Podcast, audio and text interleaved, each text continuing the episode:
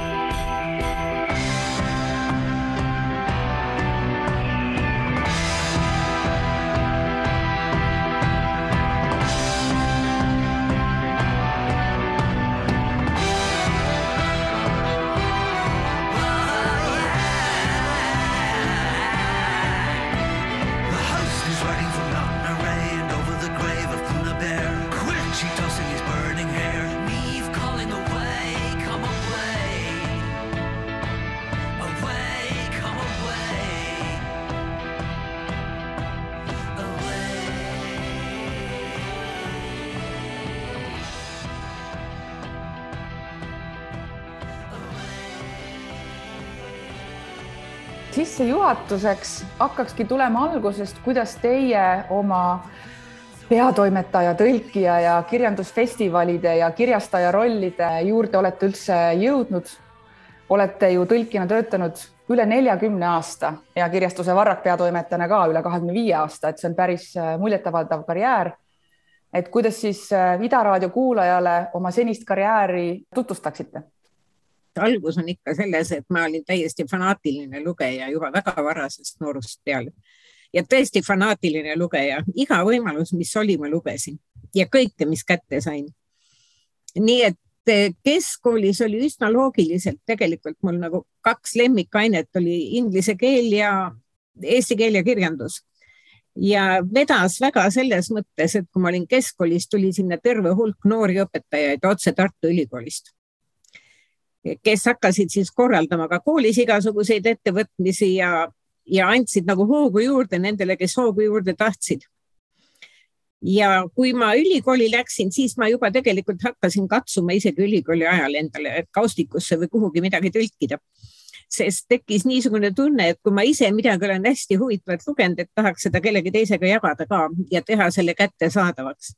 ma arvan, et see oli võib-olla niisugune esimene ajend ja sattusin ülikoolis kokku Kersti Hundiga ja veel mõne inimesega, Hannes Varblase, Toomas Raudamiga ja ja siis tekkiski niisugune tunne, et võib-olla isegi olulisem kui see, mida meile tookord ülikoolis õpetati, sest ega noh, ütleme nii, et meie keeleõpetajad ei olnud käinud Inglismaal ja nende silmaring, ütleme ka kirjanduse osas ei pruukinud olla iga kord kõige laiem.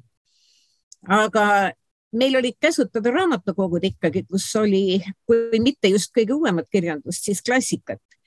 ja teine asi ikkagi tekkisid tuttavad, kellele saadeti ka mujalt maailmast raamatuid, nii et niisugune raamatute käest kätte andmine ja nende lugemine ja niisamuti sõpradega muusika kuulamine.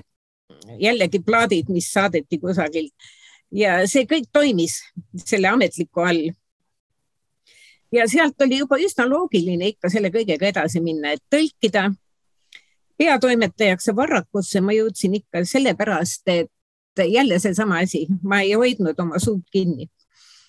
ma tikkusin nõu andma ja sattusin kokku Maret Maidega, kes hakkas just kirjastust tegema, Varraku kirjastust.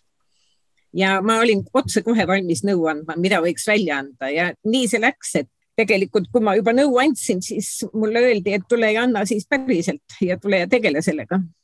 kui palju oma kaasteeliste või teiste äh, kokku puututud isikute puhul olete kohanud ka teisi sarnaseid fanaatilisi lugejaid, kui palju hiljem olete otsinud endasuguseid? no endasuguseid tuleb ette ikka ja ma räägin ülikoolis kõik tegelikult, nii Hannes Vardune kui ka Raudam kui Kersti Hunt ja meil me kõik täiesti fanaatilised lugejad. Ja noh, lugemisel oli, ega kui ingliskeelset kirjandust ei olnud kätte saada, siis tegelikult vene keelde tõlgiti hästi palju ja ka väga uut kirjandust. nii et osa asju sai läbi loetud ka vene keeles ajakirjadest ja igalt poolt, kus kätte saadi. aga noh, see on see asi tõesti, et sa juba tajud ära inimese, kes on umbes samasuguste huvidega, juba e-, hakkad juttu ajama ja kohe selgub, et need asjad, mida me oleme näiteks lugenud ja autorid, keda hinnanud või et need hakkavad nagu natuke kattuma. ja muidugi teine asi oli see, et tol ajal oli ju kogu seda informatsiooni ikkagi väga palju vähem. niisuguse oma või ühesuguste raamatute lugemise ruumi oli kergem kujundada. praegu on see asi palju rohkem hajali ja harevil. Kas see võikski olla üks asi, mis on peatoimetajate töös nüüd aastate jooksul muutunud, kui vaadata tagasi oma karjäärile äh, Varraku kirjastuses näiteks kahekümne viie aasta jooksul, mis siis veel on selle ameti puhul selle aja jooksul muutunud või üldse, kuidas selles rollis olles näete ka kultuurimaastiku ühiskonda äh, muutumas? no loomulikult siis, kui kõik see algas, tulid uued kirjastused, maailm läks lahti, ei olnud enam mingit tsensuuri, võisid avaldada mis tahes, siis sellest ütleme, võimaluste rohkusest hakkas pea ringi käima. sest autorid ja raamatud, mida sa järsku said aru, et sa võid need tõesti eesti keeles välja mm. anda, see oli täiesti uskumatu. ja tiraažid olid ikka tuhandetes sel ajal ja rahval oli ikkagi tõesti isu raamatuid osta ja, ja tohutu nälg, nii et et no seal oli, see oli see õnnis aeg tõesti, kus sa võisid valida peaaegu ükskõik mida. aga eks siis hakkasid asjad vaikselt muutuma, tiraažid hakkasid kahanema, kui anti välja rohkem raamatuid, siis valik muutus juba inimestel raskemaks, nad enam ei teadnud täpselt, mida üks või teine autor endast kujutab. paratamatult siis tuli hakata arvestama juba sellega, et mida võib kirjastus endale lubada ja mida mitte ja muidugi sel ajal, kui kõik see lahti läks, siis ega ju ei olnud niisugust informatsiooni internetis nagu praegu on. siis oli väga paljuski oli noh, vanast rasvast, mida enne teadsid. ma olen kasutanud väga palju seda, et mul on olnud aeg-ajalt sõbrad ikkagi välismaal, kes on mulle saatnud ka ajakirjandust. siiamaani tegelikult saadavad kirjanduslisasid sealt saab ka seda infi raamatute kohta, mida ise ei jõua läbi lugeda, aga korralikke ülevaateid, retsensioone, mille põhjal vähemalt siis saab midagi välja tellida ja lähemalt vaadata. et see teisene informatsioon, muidugi on see praegu kõik internetis olemas ja seda saab suurepäraselt kasutada, aga noh, isegi selle infi läbikammimine tegelikult võtab tohutult aega kas on ka mingid laiemad nagu olulisuse või prominentsuse küsimused äh, või kuidas ühiskonnas nähakse kirjastusi või ka raamatuid, kirjastamist, kirjutamist laiemalt, et kas äh, selles osas on ka muutusi toimunud? ma arvan, et kirjastused on väga olulised, kirjastuste valik on väga oluline mm -hmm. ja minu meelest see on, on eks see oli juba algusest peale, aga alguses valitses siiski suurem segadus. praegu on minu meelest kirjastuste pilt rohkem korrastunud ja kirjastused on hakanud tõesti eristuma selle järgi, mida nad välja annavad. praegu on väga raske tõesti teha seda valikut, mis just eesti keeles olemas peaks olema ja seda peab iga kirjastus enda jaoks otsustama igal kirjastusel tuleb lahendada see küsimus, et peavad olema asjad, millega anda välja niisuguseid raamatuid, nii ilukirjandust kui mitte ilukirjandust, mille kohta on teada, et nende tiraažid ei ole väga suured.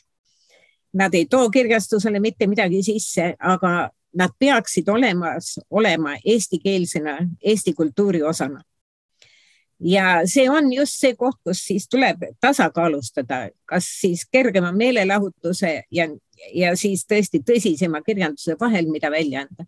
senikaua, kuni väga heades tõlgetes on võimalik ikkagi välja anda tõsist korralikku väärtkirjandust või siis suuri ajalooteoseid, filosoofilisi teoseid, eh, mis peaksid olema eesti keeles olemas, senikaua pole väga viga kas see võib olla ka üks, üks vastustest järgmisele küsimusele, et kuidas on see amet suutnud teid kogu selle pika karjääri jooksul siiski ära võluda ja kinni hoida, et te jätkuvalt seda tööd teete? ta ongi jätkuvalt huvitav, sest raamatud on ju tegelikult uued. kogu aeg tuleb midagi uut peale, midagi uut ja huvitavat, see on seesama asi nagu on tõlkimisega ka tegelikult, sest et iga kord, kui sa võtad uue raamatu ja hakkad seda tõlkima, see on uus maailm, kuhu sa sisse astud. Kui ka raamatuid valida, siis ikkagi sa pead hästi paljude uute raamatutega tutvuma, see on huvitav, põnev, sa lähed kogu aeg edasi, see ei ole mingisugune rutiinne töö. Leidsin ühe kolmeteist aasta vanuse Postimehe arvamusloo, kus te tsiteerisite kirjanik Doris Lessingut, kes on öelnud, et kui rääkida inimesega, kes küll on oma ala spetsialist, kuid pole kunagi ilukirjandust lugenud, et siis on kohe aru saada, et, et räägid inimesega, kellel oleks nagu arengupeetus, lihtsustad lauseid, loobud varjunditest ja pooltoonidest, erinevatest nüanssidest oma kõnes ja selles vestluses. kuidas siis hoida seda väikest rahvast äh, nagu meil haritud, targa ja paindlikuna, et need nüansid oleksid rohkem esil? nojah, ega see ei ole eriti originaalne mõte, kui ma ütlen, et tuleks lugeda, et lapsed lugema panna ja, ja tõesti lugema panna, sest eh, lugemine annab inimesele sõnavara, mitte mingi muu asi ei anna inimesele sõnavara, mitte midagi ei ole teha. enamasti inimesed kalduvad sinnapoole, nad loevad noorelt ilukirjandust, sest siis nad lähevad kõige sellega kaasa, mis on ilukirjanduses põnevat nii mõtete kui tegevuse ja kõige muu osas. ja nad märkamatult sellest võtavad endasse neid sõnu, mida nad sealt loevad. see, need muutuvad juba nende enda sõnavara osaks. Kui see puudu jääb, siis tegelikult nad, no see on seesama asi, et sa võid olla imeliste mõtetega, sa võid olla tohutult intelligentne, aga kui sul ei ole sõnavara, millega sa oma imelisi mõtteid väljendad, siis need, need jäävadki väljendamata. siin ei ole midagi teha, sul peab olema ka see väljendusvahendid ja eesti keeles on selleks eesti keel.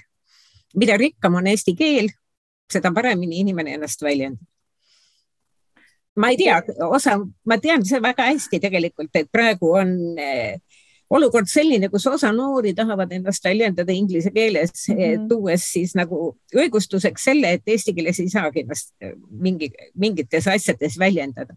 ei ole õige, kõik see on muidugi eesti keeles olemas aga tõlkina olete te ju ka kõvasti eesti keelt äh, arendanud, et mina mäletan oma nooruspõlves ka näiteks kogu äh, Harry Potteri raamatute seeria ja kuidas seal tuli lausa nagu originaalloominguna luua kogu seda põllumaailma sõnavara tegelasi, tegevusi, tõlkimisprotsess ei ole mulle tundub just selle konkreetse seeria näite ja ka tegelikult teiste raamatute puhul, kui on vaja luua nagu ühe keeleruumi sisse, eesti keeleruumi sisse teist keelt, et siis saate ju ise olla nii tõlkija, vahendaja ja samas ka ju autor ja rikastada ka.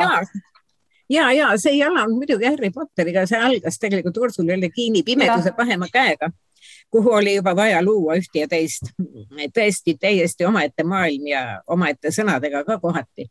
aga Potteri puhul oli muidugi jah, seal tuli tõesti tohutu, jumal, mitmeleheküljeline Potteri sõnastik, mis mul on olemas.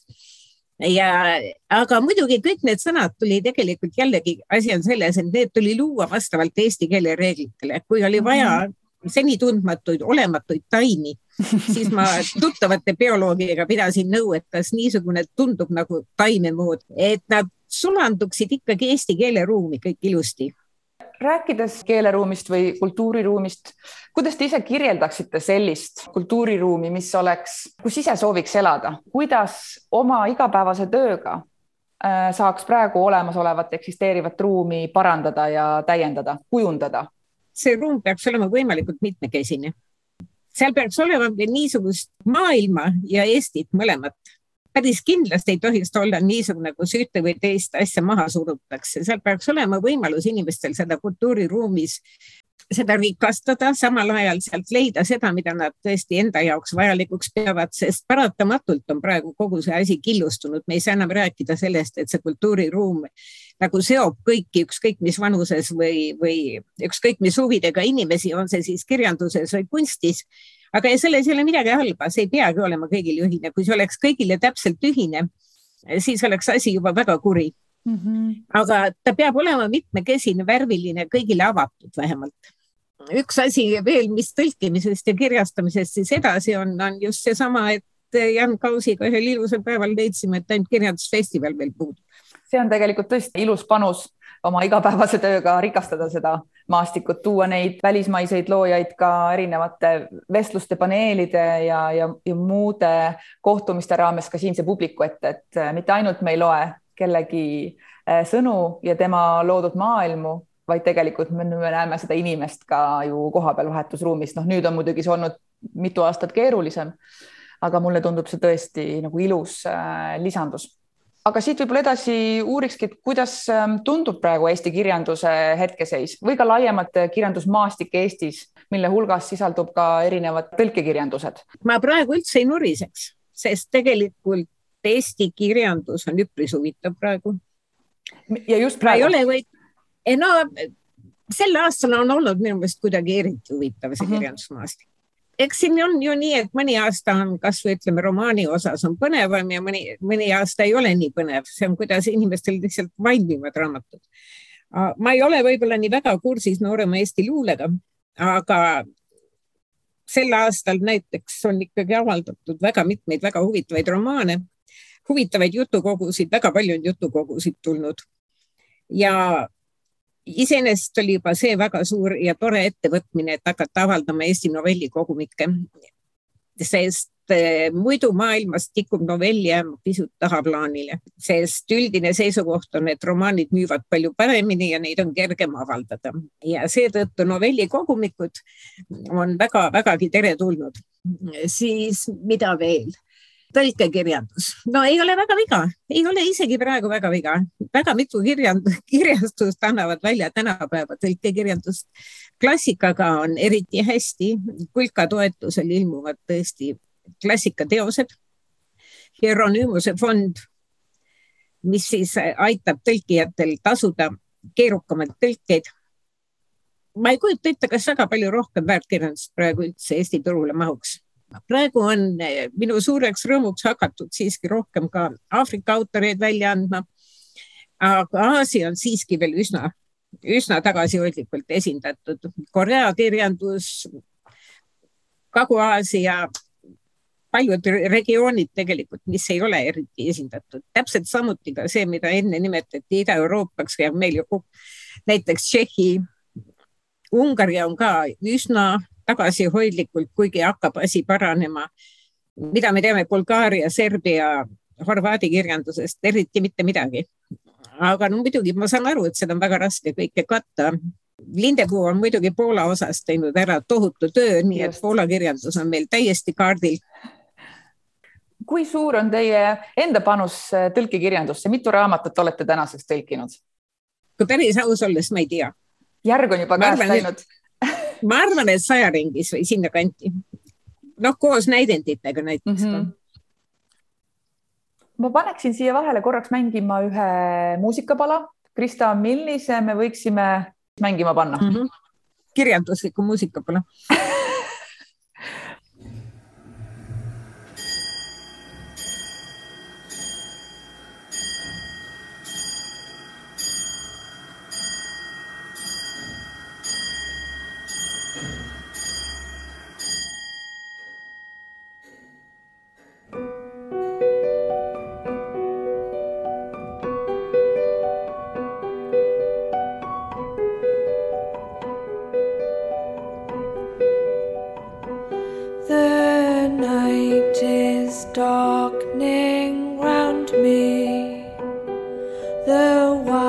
winds coldly blow, but a tyrant.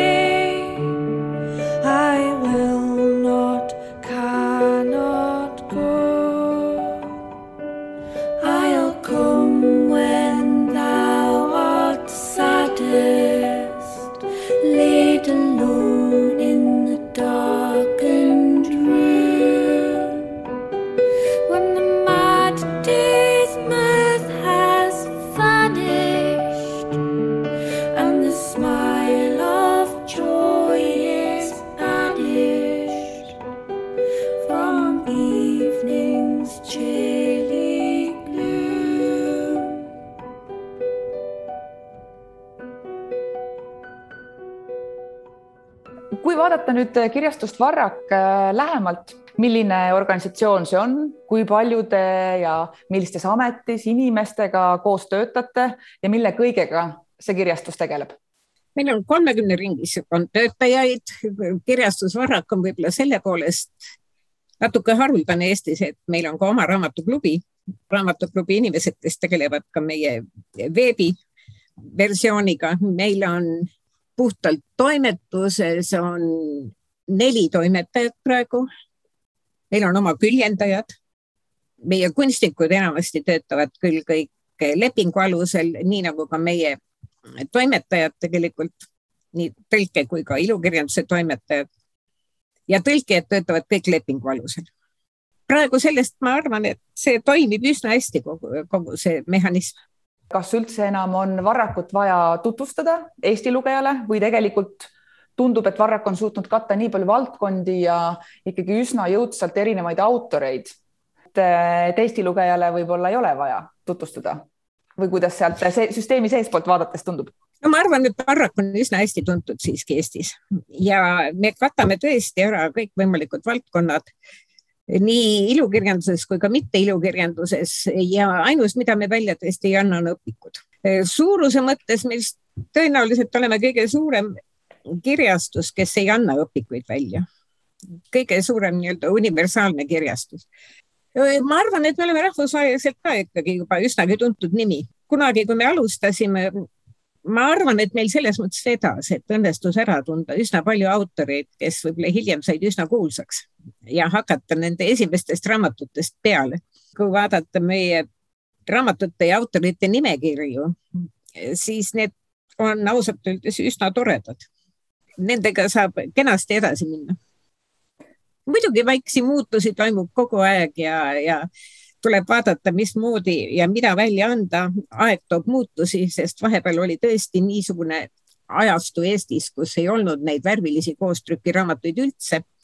kui me nendega ka alustasime, nüüdseks paistab, et nende aeg on Eestis suurel määral läbi, iga eestlase riiulis on juba kõikvõimalikud Koka, Aia ja, ja maailma tutvustavad pildiraamatud olemas ja võib-olla isegi nihkub nüüd tähelepanu jälle rohkem ilukirjanduse poole. muidugi eestlased alati väga hindavad ikkagi Eesti oma autoreid ja sealjuures ka just mitte ilukirjanduses Eesti oma autoreid, tõesti loodusest kokaraamatuteni, aianduseni, ajaloo autoritele, autoriteni kas see on olnud järjepidevalt nii või selline äh, autorite kõrgem hindamine on ka ajas muutunud, olnud see vahepeal kõrgem või madalam äh, teie karjääri jooksul? on siin nagu näha mingeid äh, liikumisi? väga-väga on seda näha mitte ilukirjanduses, kus aina rohkem ja rohkem usaldatakse Eesti oma autoreid. nagu see rõõm, et, et äkki ikkagi välismaal keegi kirjutab paremini mingil teemal, on hakanud üle minema, sest ainult mm -hmm. eestlased tunnevad meie olusid, meie publikut ja kõike muud kui palju on peatoimetaja töös igapäevaseid suhtlusi vanade lemmikute autoritega või ka noorte uute äh, autoripositsioonidega, et kui palju otsitakse kogu aeg juurde kirjastusse või ühe peatoimetaja töö raames uusi hääli ka? tegelikult tuleb pakkumisi kogu aeg, mitte otseselt iga päev, aga, aga ikka üsna mitu pakkumist võib nädalas tulla. kõik need raamatuks ei saa kahjuks peab siiski ütlema, et täiesti tundmatute autorite puhul ei ole väga palju neid, kes, kelle koha pealt tõesti ütlevad, et ohoo, vaimustav, vapustav, kohe anname välja. Õnneks ikkagi mõned on. vanade teatud tuntud autoritega, jah, ma olen väga rõõmus iga kord, kui mõni vana tuntud teatud autor ütleb, et mul hakkab käsikiri valmis saama mm -hmm. ja ka neid on palju. aga no palju, ei saa öelda palju, eestlasi ei olegi nii palju ja Eesti kirjanikke ei ole ka nii kohutavalt palju, et me nüüd käsikirjade laviini all lausa nõtkuksime. kuidas sünnib kirjastusega koos üks eestikeelne raamat eh, ja sinna kõrvale, kuidas üks tõlkekirjanduse raamat, et kas see protsess on ka aastate jooksul kuidagi täpsustunud või standardiseerunud või see ka ikka väga palju sõltub autorist ja teosest? no eks see protsess on ikka ühtemoodi enamasti kui tuleb käsikiri, ütleme Eesti autorilt, siis ta läheb ka toimetaja kätte. toimetaja võib-olla teeb oma ettepanekud ja hea toimetaja aitab autorit edasi ja et see lõpuks raamat, mis tuleks, oleks ikka täiuslik. ja pärast seda muidugi läheb ta kunstniku kätte. jällegi kunstnik suhtleb autoriga, et mõlemad oleksid rahul selle lõpptulemusena ja siis ta läheb küljendusse, siis ta läheb trükikotta ja siis tulebki raamat.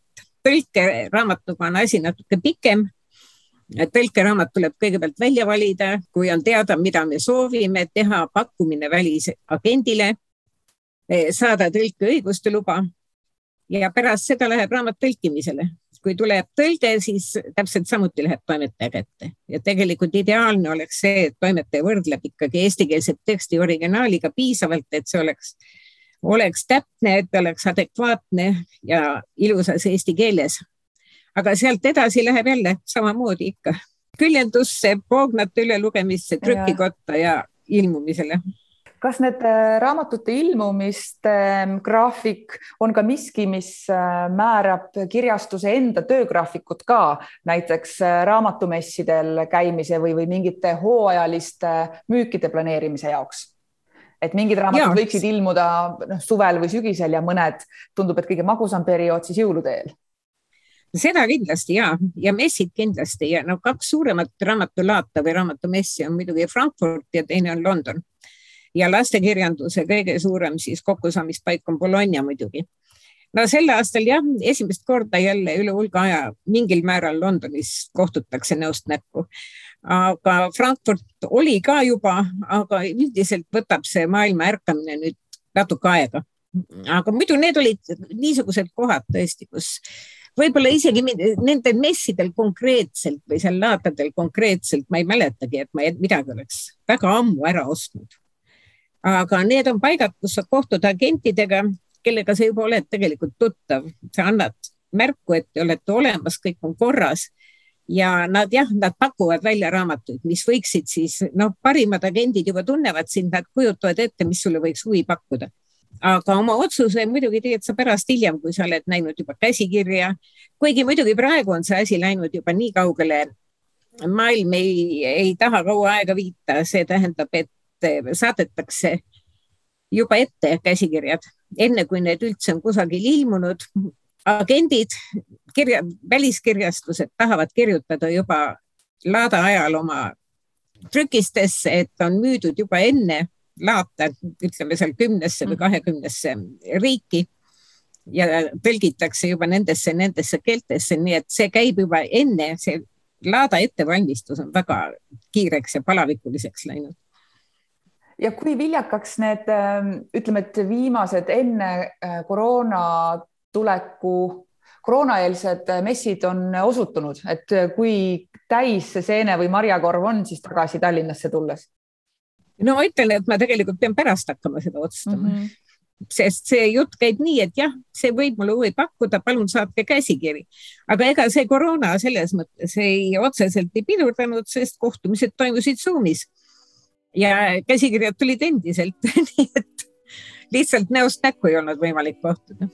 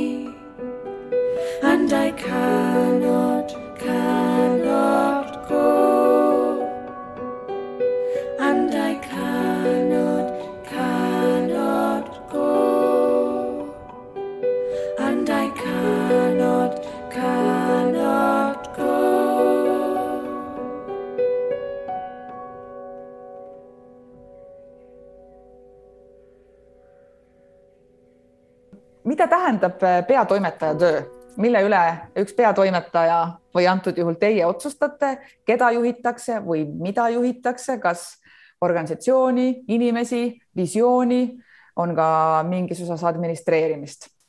no eelkõige visioon ja see, mida Varrak välja annab, selle leidmine, läbitöötamine, teistele ülejäänud kolleegidele presenteerimine, nendega selle läbiarutamine, tõlkijate, toimetajate üle mõnikord otsustamine, kes mida teeb, selle üle arutamine ja kõik, mis siis ikkagi toimetuse tööga tegelikult seostub, need otsused eelkõige meil on, toimuvad kolleegiumid ja meil on kollegiaalsed otsused ikkagi suurel määral ja, ja me arutame läbi ka ükskõik millise ideega ja pakkumisega ma tulen selle väljaandmisvõimalusi ja, ja perspektiive, nii et eh, see on ikkagi aruteludeks avatud. Mis vajab üldse või kes vajab enim juhtimist, et kas need ähm, tähelepanu, see tähelepanu hulk mingile valdkonnale oma töös on ka aastate jooksul muutunud, et, et midagi on jälle seoses tehnoloogia arengu või muutuva maailmaga nüüd tahab vähem äh, hoidmist, käehoidmist ja tähelepanu ja mingid asjad just jälle rohkem? no eks on juurde tulnud muidugi niisugune asi nagu e-raamatud ja nüüd on ka olnud väikesed katsed teha audioraamatuid oleme ikka praegu püüdnud, et kõik raamatud, mis meil ilmuvad, saavad e-raamatuteks, juhul kui ei ole autoritel või agentidel sellele otseseid vastuväiteid. audioraamatutega muidugi isegi praegu Eestis ikkagi lood natukene niruvad, sellepärast et nad lähevad väga kalliks ja seda audioraamatute kuulamise harjumust veel sedavõrd palju ei ole, kui ütleme kasvõi Skandinaavias, kus need on ikka väga levinud muus osas, no ma, ma ütlen, et mõnikord on või tähendab, see on natukene muutunud, millised valdkonnad esile kerkivad. oli aeg, kus tõesti kerkis esile võib-olla veel rohkem seda mitte ilukirjandust. praegu, praegu on mingis mõttes rohkem ilukirjandust isegi. ja näiteks Eesti kirjanike teoste väljaantavat hulka me ei saa kuidagi ette planeerida, kuigi käsikirjad tulevad, siis käsikirjad tulevad, nad välja andmata ei jää. ja me ei ole praegu isegi hakanud nii väga täpselt ette ennustama või täpselt planeerima, kui palju me anname välja raamatuid ühes või teises eh, ilukirjanduse siseses valdkonnas, vaid oleme rohkem püüdnud vaadata, et mis ühes või teisel kohal meil väga huvitavalt lihtsalt ette tuleb kui tuua siia kõrvale kirjandusfestival Head read, siis kuidas selle juhtimine eristub teie jaoks peatoimetaja tööst Varraku kirjastuses ja mida kirjandusfestivali üks juhtidest eh, peab siis ka administreerima, visioneerima ja mida, keda juhtima? meil on ikkagi kirjandusfestivalil ära jaotatud rollid. minu rolliks on jällegi saada välisesinejad eelkõige Eh, see on see, millega ma põhiliselt tegelen, aga ülejäänud asjadega on meil jällegi kõigil on sõnaõigus, kes pakub välja ideid ja, ja kuidas teised sellest kinni haaravad ja, ja ka nende ideede teostuse osas. ka välisesinejate otsimiseks, jah, siis ma suhtlen ka kõigi teiste Eesti kirjastustega. see sõltub sellest, mis raamatud eesti keeles välja antakse, millal antakse, kes on need kõige võib-olla olulisemad autorid, aga mitte ainult seda, midagi ei ole teha, osa autoreid lihtsalt ei saa ühel või teisel aastal, kui need raamatud ilmuvad tuleb ka seda vaadata tõesti, kes autoritest nõustuvad tulema festivalile ja võib-olla siis mõni, keda me nii kangesti tahame, äkki saab mõnel järgneval aastal. kui peaks kirjeldama teie tööstiili või kuidagi püüdes nüüd ennast kõrvalt vaadata, siis milline võiks, milline võiks olla Krista Kaer kolleegina oma erinevates rollides? üsna leplik ja rahulik, ma loodan vähemalt oskate välja tuua, millised võiksid olla äh, tugevad ja nõrgad küljed, et mis on äh, veel kogu selle pika karjääri jooksul siiski keeruline teha? kas on midagi sellist ka? oi oh jaa, tähendab võib-olla tugevaks küljeks ehk äkki on idee ja, ja teiste innustamine kindlasti. minu ülimalt tõrkadeks külgedeks on alati bürokraatia ja paberi ajamine ja paberiasjandus ja kõik muud niisugused asjad. mul võib olla tõsiseid raskusi mingite paberite täitmise ja kõige sellega. ma ütlekski jah, et kõik kõik, mis puudutab igasugust bürokraatiat mm, -hmm. on minu jaoks hästi nõrk külg. Ja ega noh, isegi väga naljakas on see, et tegelikult Potteri raamatu tõlkimisel kõige rohkem vaeva mõnes mõttes nõudsid kõik Võlukunstiministeeriumiga seotud bürokraatlikud terminid. Igasugused elukad oli selle kõrval täiesti tühiasi kui mõelda oma näiteks nõrkade külgede peale, siis ähm, kuidas neid ähm, arendate või parandate, kuidas ennast täiendate igapäevaselt?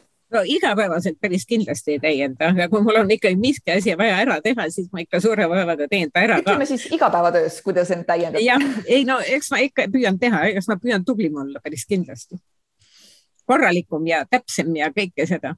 aga vastukaja või tagasiside, kas see on ka osa oma erinevates rollides, ähm, tööprotsessidest, kas seda küsite aktiivselt või kuidas üldse teieni jõuab või on seni jõudnud? no eks ikka vähehaaval jõuab, ega ma väga aktiivselt ei küsi ka. noh, ütleme, et meil on nii Varraku toimetuses kui ka tegelikult eh, Head Read festivalil on ikka niisugune, nagu ma ütlesin, kollegiaalne töö tegelikult. kõik inimesed annavad oma panuse ja et seal asjad õnnestuksid ja kõik edasi läheks mõlemal pool, see tähendab ikkagi, et kõik oleksid asja juures ja omavaheline läbisaamine ja usaldus oleks väga suur. muidu ei oleks niisuguseid asju võimalik teha. kas on kedagi, kelle poole üles vaatate või, või näiteks ütleme, et kultuurivaldkonna puhul, et millised on nagu head juhid, millised on nende sõnad, millised on nende sammud, nende tegevused või just vastupidi, kas on jäänud silma ka Äh, need apsud, kuidas ähm, kultuurivaldkonna juhid, nad ebaõnnestuvad? vot seda ma tõesti ei oska öelda. ei head ega halba? ei head ega, ma võin kaugest minevikust öelda ühe, ühe inimese, keda ma sügavalt imetlesin ja ka seda, mismoodi ta juhtis oma asutust. see oli Henno Rajandi, kui ta juhtis Eesti Instituuti ajal, mil see nagu õige veidi isegi täitis alternatiivse välisministeeriumi kohuseid ja kui ma sinna tööle kutsuti ja ma olin seal siis nii-öelda Briti ja Iiri konsultant, see, mismoodi tema seda juhtis, see oli ikka asi, mida, mida võis niimoodi ainult imetleda, kuidas ta suutis liita inimesed, kuidas ta tõi välja nendes oleva kõige parema ja panna nad niimoodi tööle, et nad ise ei märganudki kõik, kui palju nad pingutavad kas on mingi konkreetne näide ka meeles mõnest sellest tegevusest või tema kavalusest? ei no ütleme kasvõi seda, et tol ajal oli üldse kõik nii, et inimesed töötasid tohutu õhinaga mm -hmm. ja tööpäeva pikkust ei loetud, aga just ka näiteks see, kui, kui sageli avastasid ennast pärast tööpäeva lihtsalt istumas veel edasi seal ruumis ja juttu ajamas, kusjuures juurde olid tulnud võib-olla mõned kohapeal töötavad välismaalased või veel keegi ja kuidas märkamatult ma vaatad kõrvalt, kuidas mõne Henno Rajandi sõna peale hakkavad inimesed ennast avama ja rääkima oma erikogemustest ja ja see oli ikka imetlusväärne ja tema nagu kultuuritaust ja kõik see oli, oli täiesti suurepärane. ja muidugi ta oli ka vaimustav tõlk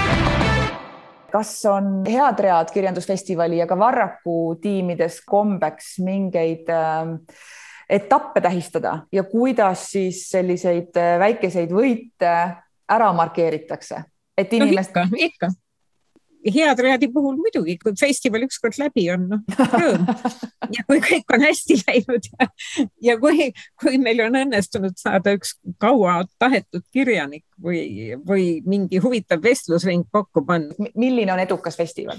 edukas festival on see, mis on kuulajate meelest edukas. see on festival, kus kuulajad on leidnud endale äh, kirjanikud, keda kuulata, võib-olla keda nad isegi enne ei tundnud. üks asi on kuulsad kirjanikud, kes tulevad, aga samal ajal on küllalt palju niisuguseid kirjanikke, keda kuulajad avastavad alles festivalil. selles mõttes muidugi me ei ole teinud küsitlust, et küsida, mis on arvamused, aga eh, väga sageli on tuldud ja öeldud meile lihtsalt, et eh, see on suurepärane festival, kui tore, et me niisugust asja teeme, soovitud jõudu nii et selles mõttes ikkagi tagasisidet on meie festivali käigus on peaaegu kõik Eesti kirjanikud seal esinenud. on muusikutega koostöö, on kinosõprusega koostöö, on teatritega koostööd.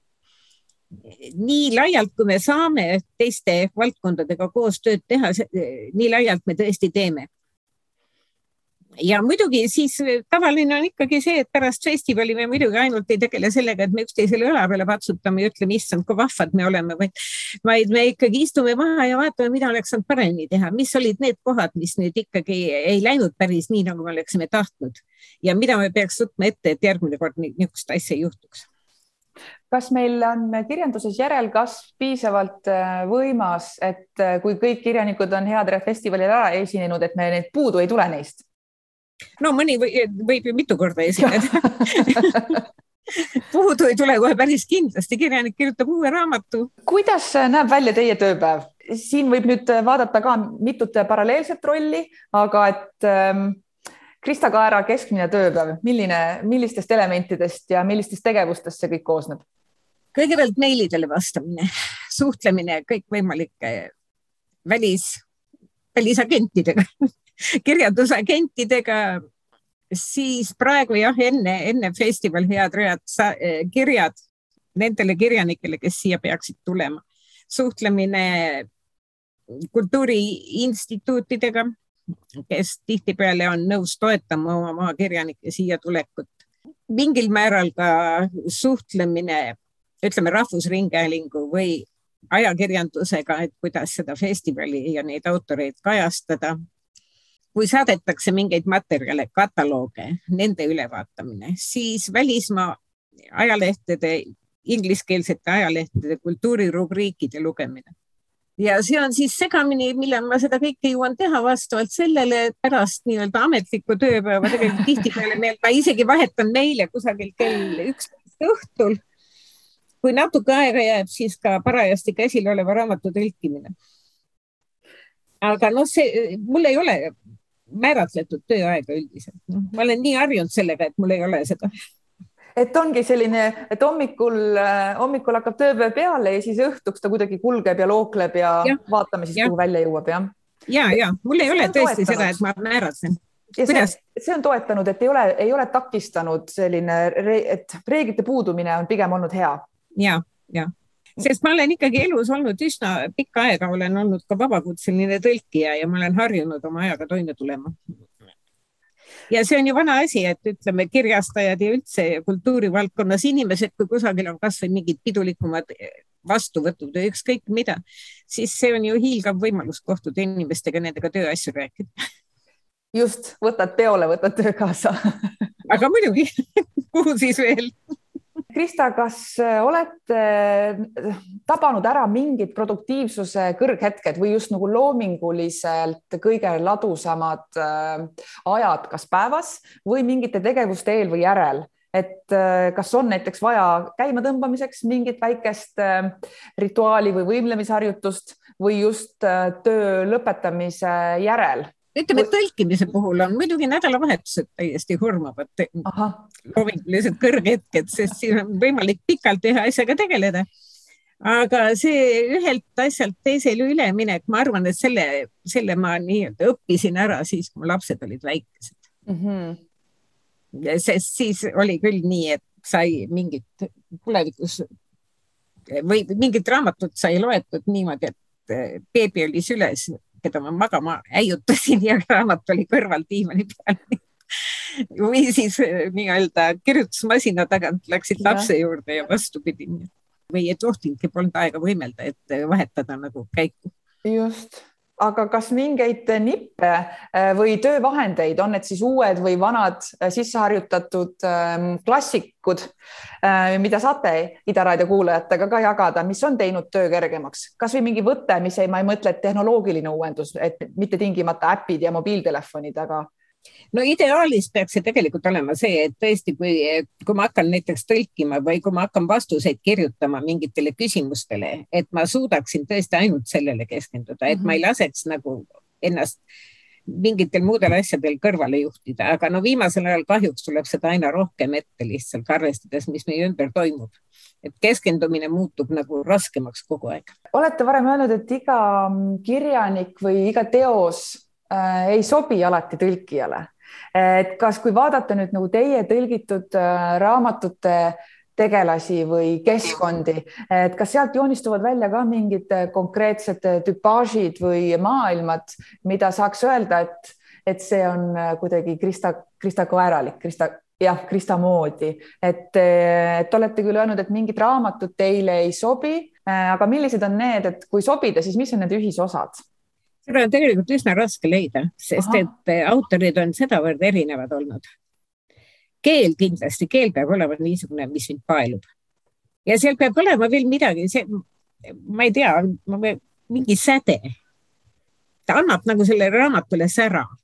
üks asi, mida ma ka nagu ei tahaks teha, on väga, ütleme psühholoogiliselt väga jõhkrad ja julmad raamatud. ma lihtsalt ei taha elada nende sees jah, see tuli ka äh, teie varasematest intervjuudest välja, et tundub, et autor on ise nautinud või isegi kaifinud äh, vägivaldsete stseenide või, äh, või mingite tegevuste kirjeldamist, et siis, siis seal on piir. No, neid ma ei ole muidugi üldse puutunud, eks siin mm -hmm. on mõningaid olnud, mille kohta ma mäletan just, et, et Bänvil ütles ühe oma raamatu kohta, et oh, see teile kindlasti ei meeldi, et noh, tõlkida ja see oli Surilina iseenesest ma pean siiski tunnistama, nagu ma talle ka ütlesin, et ega ausalt öeldes minu, mul ei ole eriti midagi tema pahurate vanamiste vastu, et ma suudan neid päris kenasti tõlkida ja nendega hakkama saada. eks sellest ole nüüd viimasel ajal palju juttu olnud, see, et kas tõlkida tohib niisuguseid teoseid, millega sul nagu ei tohi, tõlkijal ei ole nagu eriti midagi ühist.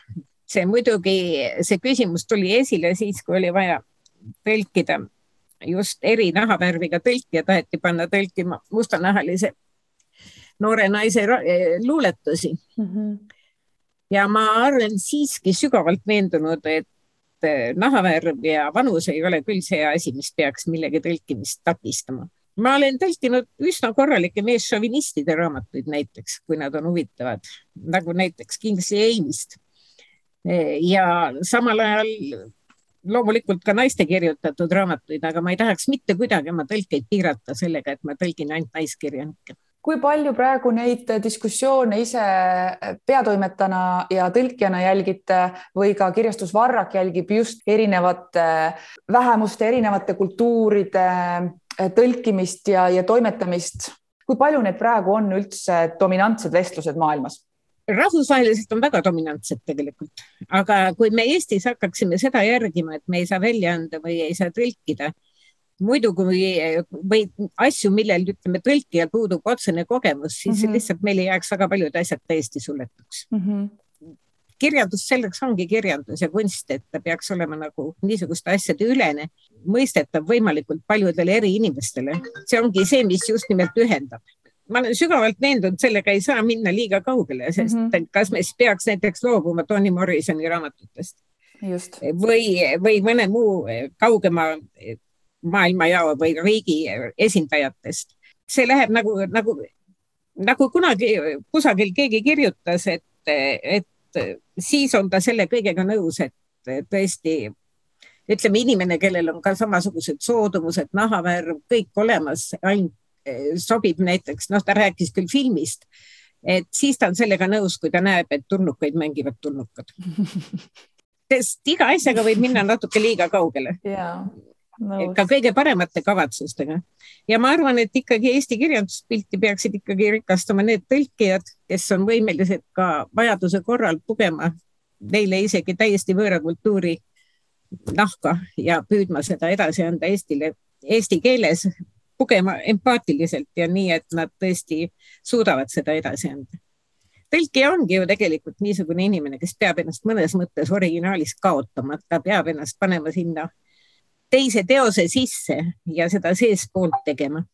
Tundub, et siin võib-olla räägibki see noor fanaatiline lugeja, kes on ise seda lugeja rollis saanud ka väga palju kordi teha ja nüüd siis seda kõike nagu uuesti ümber tõlkides nüüd siis täiskasvanuna või, või selle valdkonna professionaalina. ja sellest sa pead ise vaimustuma, sa pead vaimustuma raamatust, kui sa seda tõlgid, kui sa ei vaimustu sellest, kui sulle on raamat igav või raske või, või ebameeldiv, siis sa ei saa seda tõlkida kõige paremalgi juhul see ei tule välja, sa tõlgid küll ära selle, sõnad on olemas, aga hinge ei ole. Äh, ma hea meelega küsiksingi siin täitsa väljajuhatuseks, kelle nahka me saame pugeda järgmisel Head Read festivalil ja järgmise Krista Kaera tõlgitud raamatut lugedes, et mis on need elamused ja kogemused, mis meil siin kohe äh, festivali puhul kolme kuu pärast, aga nüüd ei tea, millal järgmine raamat tuleb, kauema või vähema aja pärast, et kelle sisse me siis saame ennast ajutiselt seada? no festivalil me ei ole veel pressiteadet teinud, aga tegelikult on siiamaani lubanud tulla üle kahekümne autori.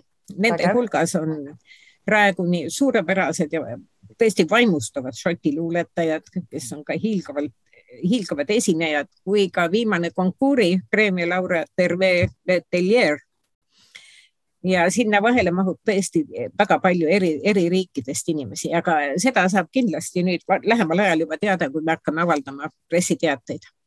Väga mitmekesine, väga huvitav festival. olgu, oleme siis ootel, aga järgmine eh, tõlkekirjandusteos?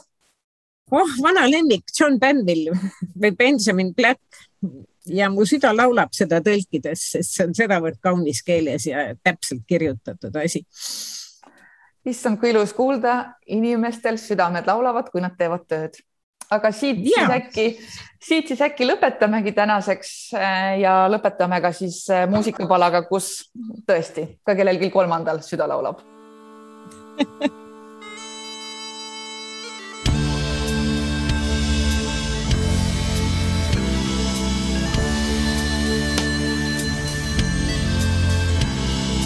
Ever since we danced in the dark parade. Something old was born anew. In spite of all the good things your good God has made, everything I touch turns into you. Everything I touch turns into you. Ever since my eyes perceived your face, there was little doubt that I could do anything to save my fall from grace. Now everything I see turns into you. Everything I see turns into you. And ever since my ears received your cool, clear voice, singing silver lines so soft and true, my destiny was written. I had no choice. Now everything I hear turns into you. Everything I hear turns into you. Each snowflake that falls achieves your subtle form. The howling wind calls your name in the storm. The frost on the ground that turns into dew. Each sight and each sound turns into